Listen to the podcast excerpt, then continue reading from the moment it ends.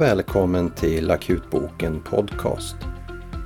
Innan denna månads avsnitt så tänkte jag tipsa om att den nya 2020 års upplaga av Akutboken nu finns att beställa. Den nya upplagan har mer än 20 nya avsnitt om bland annat rabdomyolys, compartmentsyndrom, alkoholabstinens, LPT, LVM, drunkning, tandskador och njursvikt. Tidigare avsnitt är också uppdaterade och i den nya upplagan hittar du bland annat Canadian Head CT Rule för skalltrauma, Gers-algoritmen för misstänkt lungemboli och doskonvertering av vanliga opioiddoser. Du kan provläsa den nya upplagan och beställa boken på hemsidan www.akutboken.se. Nu tillbaka till avsnittet denna månad där jag kommer prata om en ny studie om tranexamsyra vid skalltrauma diagnostik av tunntarmsilius och en studie om blododling före eller efter given antibiotika. I novemberavsnittet 2018 av podcasten gick jag igenom evidens kring användning av tranexamsyra vid allvarlig blödning, bland annat baserad på CRASH 2-studien. Nu i oktober 2019 publicerades CRASH 3 i The Lancet där man studerat användning av tranexamsyra för patienter med skalltrauma och jag tänkte här gå igenom resultaten av den nya studien. CRASH 3 är en stor multicenterstudie som genomförts vid 175 sjukhus i 29 länder. I studien inkluderas patienter med traumatisk hjärnskada som inträffat inom tre timmar och som antingen hade GCS max 12 eller tecken till blödning vid undersökning med DT hjärna. I studien inkluderas totalt 12 700 patienter och dessa randomiserades till behandling med antingen tranexamsyra eller placebo. Patienterna som randomiserades till tranexamsyra fick 1 gram initialt som en bolusinjektion intravenöst under cirka 10 minuter följt av en infusion av ytterligare 1 gram under 8 timmar. Av patienterna fick 9200 behandling med tranexamsyra eller placebo inom tre timmar och data från dessa patienter analyserades i studien. Det primära utfallet var dödsfall orsakat av skallskada inom 28 dagar. Studien visade att dödsfall orsakat av skallskada var 18,5 procent i gruppen som fick tranexamsyra jämfört med 19,8 procent i gruppen som fick placebo men 95-procentiga konfidensintervallet för riskration för dessa grupper var 0,86 till 1,02. Det vill säga konfidensintervallet korsade 1, varför utfallet inte nådde statistisk signifikans. Författarna hade dock också ett fördefinierat ytterligare studieutfall där man exkluderat patienter med GCS3 eller bilateralt dilaterade ljusstilla pupiller. I gruppen där dessa patienter exkluderats var dödsfallen i tranexamsyregruppen 12,5 procent jämfört med 14 procent i placebogruppen och här nådde resultaten signifikans när man tittade på riskration och det 95-procentiga konfidensintervallet. Den största vinsten sågs för patienter med GCS 9-15 och för de patienter som erhöll tranexamsyra så tidigt som möjligt inom perioden 0-3 timmar efter skalltraumat. Utöver skillnaden i mortalitet kunde man inte se någon skillnad i neurologiska skador mellan grupperna oavsett om det behandlats med tranexamsyra eller placebo. Det var inte heller någon skillnad mellan grupperna avseende några trombemboliska komplikationer som DVT, lungemboli, stroke eller hjärtinfarkt. Min slutsats av studien är att tranexamsyra givet tidigt, inom tre timmar efter traumatisk hjärnskada, sannolikt förbättrar prognosen för dessa patienter framförallt avseende mortalitet. Och det finns inga tecken till att läkemedlet skulle orsaka några allvarliga biverkningar. Tranexamsyra ger enligt studien ett numbers needed to treat på cirka 70 för överlevnad av traumatisk hjärnskada. Sannolikt förbättras prognosen mest för de patienter som har lätt till måttlig traumatisk hjärnskada med GCS minst 9 vilket inte är så oväntat, beaktande att de som är svårast skadade sannolikt redan har fått en stor manifest blödning och därmed inte har någon nytta av den blödningshämmande effekten som läkemedlet ger. I den tidigare CRASH 2-studien visades att effekten av tranexamsyra avtog ju längre behandlingen dröjde och den positiva effekten på överlevnad minskade med cirka 10% per 15 minuters fördröjning till att vid cirka tre timmar efter blödningen startat inte längre har någon positiv behandlingseffekt. Vi ser här en liknande tidsberoende effekt i CRASH 3-studien och ska tranexamsyra användas så är det viktigt att det ger så tidigt som möjligt efter att skadan har uppkommit. Jag tror här att vi baserat både på CRASH 2 och CRASH 3-studierna kommer få se en ökad prehospital användning av läkemedlet. Vi kommer sannolikt framöver få uppdaterade nationella och internationella riktlinjer för handläggning av traumatisk hjärnskada, där jag tror att behandling med tranexamsyra kommer ingå. Om du dock redan nu har en patient som inkommer med traumatisk hjärnskada inom tre timmar och som uppfyller övriga kriterier i studien med GCS max 12 eller påvisbar blödning på DT hjärna skulle jag redan nu överväga behandling med tranexamsyra, speciellt som kostnaden för läkemedlet är låg och det inte finns något talande för allvarliga biverkningar av behandlingen, varken i den aktuella studien eller i tidigare studier.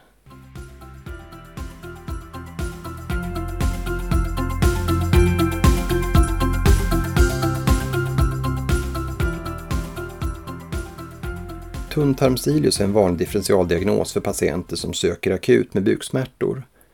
Sjukdomen kan leda till både bland annat tarmikemi och tarmperforation, varför korrekt diagnostik är viktigt. Hur vi diagnostiserar tunntarmsilius är temat för en reviewartikel i Journal of Emergency Medicine som går igenom den evidens som finns och jag kommer här gå igenom huvudbudskapen från artikeln. Tunntarmsilius kan uppkomma av många olika orsaker, där det vanligaste är ilius orsakad av adherenser från tidigare bukkirurgi, följt av ilius orsakat av brock. De vanligaste symptomen och tecknen är buksmärta, uppspänd buk, illamående och kräkningar. Men det är inte alla patienter som har samtliga dessa tecken. Av de kliniska tecken som studerats har uppspänd buk det starkaste positiva prediktiva värdet med en positiv likelihood ratio på 17 men fyndet är inte speciellt sensitivt och den negativa likelihood ration är cirka 0,3. Avvikande tarmljud kan ibland vara svårt att bedöma men när man bedömer att man hör avvikande tarmljud talar tillgängliga studier för att det har ett relativt starkt positivt prediktivt värde med en positiv likelihood ratio på 6. Många patienter har symptom med ingen avföring eller eh, avsaknad av gasavgång men det är inte ovanligt att patienter både har avföring och gasavgång, i alla fall tidigt i sjukdomsförloppet. Tunntarmsilius orsakar också ibland en kraftig retning av hela tarmen, varför det även förekommer att patienter med sjukdomen har diarré initialt. Eftersom adrenser efter tidigare genomgången kirurgi är den vanligaste orsaken till tunntarmsilius så har tidigare genomgången bukkirurgi också en positiv likelihood ratio på 4 och en negativ likelihood ratio på 0,2. Men det är viktigt att beakta alla andra möjliga orsaker till ilius annat än adrenser och överväga dessa även för patienter som både har och inte har genomgått bukkirurgi. Kliniska symptom och tecken kan göra att vi misstänker sjukdomen, men det är inte tillräckligt specifika för att ställa diagnosen utan här behöver vi också radiologiska undersökningar. Buköversikt med slätröntgen har tidigare varit förstahandsmetod men tillgängliga studier talar för att sensitiviteten för slätröntgen endast är 60-80% samt att en relativt stor andel av undersökningarna visar icke-konklusiva och ospecifika fynd. DT-buk rekommenderas därför idag som förstahandsundersökning och undersökning med IV-kontrast har hög sensitivitet och specificitet, över 95% för tunntarmsilius och undersökningen kan dessutom påvisa flera andra differentialdiagnoser. Peroral kontrast vid DT-buk rekommenderas inte rutinmässigt vid initial radiologisk diagnostik, men här varierar lokala rutiner på olika sjukhus något. Om patienten har kontraindikation för IV-kontrast så har även en nativ DT-undersökning relativt hög sensitivitet och specificitet, varför initial undersökning helt utan kontrast också är ett alternativ för denna patientgrupp. Ultraljud har senaste åren studerats som ett alternativ för diagnostik av tunntarmsilius och de studier som finns visar lovande resultat att denna metod skulle kunna användas bedside för iliusdiagnostik. Det finns flera olika ultraljudskriterier för att ställa diagnosen tunntarmsilius. Men ett vanligt kriterium som används i flera studier är fynd av en vätskefylld tunntarmslynga med en diameter på mer än 2,5 cm. De studier som finns talar för att ultraljud är minst lika bra eller bättre än slätröntgen. Men undersökningen når inte samma höga sensitivitet och specificitet som DT. Ultraljudsdiagnostiken är också som förväntat beroende av hur väl man lyckas visualisera tarmarna bland annat beroende på patientens kroppsbyggnad samt hur van undersökaren är. Det är dock en relativt enkel undersökning och i det fall man lyckas visualisera tarmen och hittar dilaterade vätskefyllda tarmslyngor talar detta för Ilius och jag tror här att vi kommer få en ökad användning av ultraljud även om vi fortfarande kommer vara beroende av DT i många fall för definitiv diagnostik. Det uppstår ibland diskussion om alla patienter med tunntarmsidios behöver en V-sond eller inte och här är evidensläget idag svagt. Det finns inte något egentligt vetenskapligt stöd för att sjukdomsförloppet förbättras eller komplikationsrisken minskar genom att alla patienter med tunntarmsidios får en V-sond. Däremot upplever vissa patienter att en V-sond minskar symptom av smärtor, illamående och kräkningar. Om patienten är aktuell för operation så är en V-sond också bra för att tömma ventrikeln innan sövning.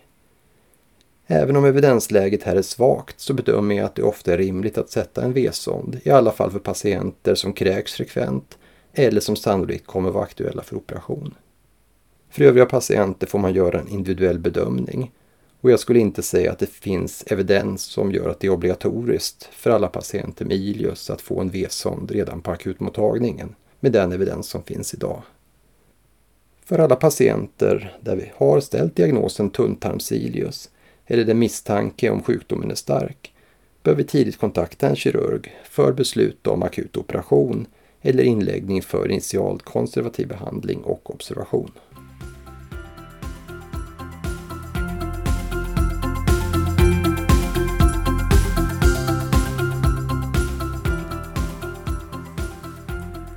När vi har patienter med sepsis och andra allvarliga infektioner som kräver intravenös antibiotika bör vi ta blododlingar för att dels om möjligt få svar på vilken bakterie som orsakar infektionen, men även för att få information om antibiotikaresistensmönster för att kunna smalna av antibiotikabehandlingen så snart som möjligt. Blododlingar ska tas innan patienten får antibiotika, men ibland missas detta av olika orsaker. Vi har nu i år fått en ny studie som har tittat på hur känsligheten för att detektera bakterier i blododling påverkas av att patienten har fått första dosen av intravenös antibiotika. I studien inkluderades 325 patienter med sepsis som hade ett systoliskt blodtryck mindre än 90 eller laktat över 4 millimol per liter. För patienterna i studien togs blododlingar direkt innan första intravenösa antibiotikados gavs och dels en till två timmar efter att antibiotika hade givits. I de blododlingar som togs före antibiotika kunde bakterier påvisas i 31 procent av odlingarna. I de blododlingar som togs efter antibiotika kunde bakterier påvisas i 19 procent, det vill säga en absolut skillnad med 12 procent färre positiva odlingar om patienten redan hade fått första antibiotikados. Min slutsats här är att i enlighet med nuvarande rekommendationer så bör blododlingar tas innan antibiotika ges för att få så bra diagnostik som möjligt. Om patienten dock skulle få antibiotika innan blododling är tagen så finns det fortfarande en relativt god chans att kunna påvisa bakterier varför det ändå finns skäl att ta blododlingar då. För sepsispatienter med hypotension eller laktatstegring är det viktigt att antibiotika ges så tidigt som möjligt då vi har relativt god evidens för att fördröjning av antibiotikatillförsel försämrar prognosen och ökar mortaliteten. I de flesta fall går det dock att både få blododling och ge antibiotika snabbt. Men om det av något skäl är svårt att få odlingar så bör det inte fördröja antibiotikabehandlingen och det kan i undantagsfall finnas patienter där det kan vara rimligt att ge antibiotika innan odling för att inte fördröja antibiotikabehandlingen. Men detta är inte den rutin vi bör ha i normalfallet. Detta var allt för avsnittet denna månad. Som vanligt hittar du länkar till artiklarna som vi har gått igenom på vår hemsida www.akutboken.se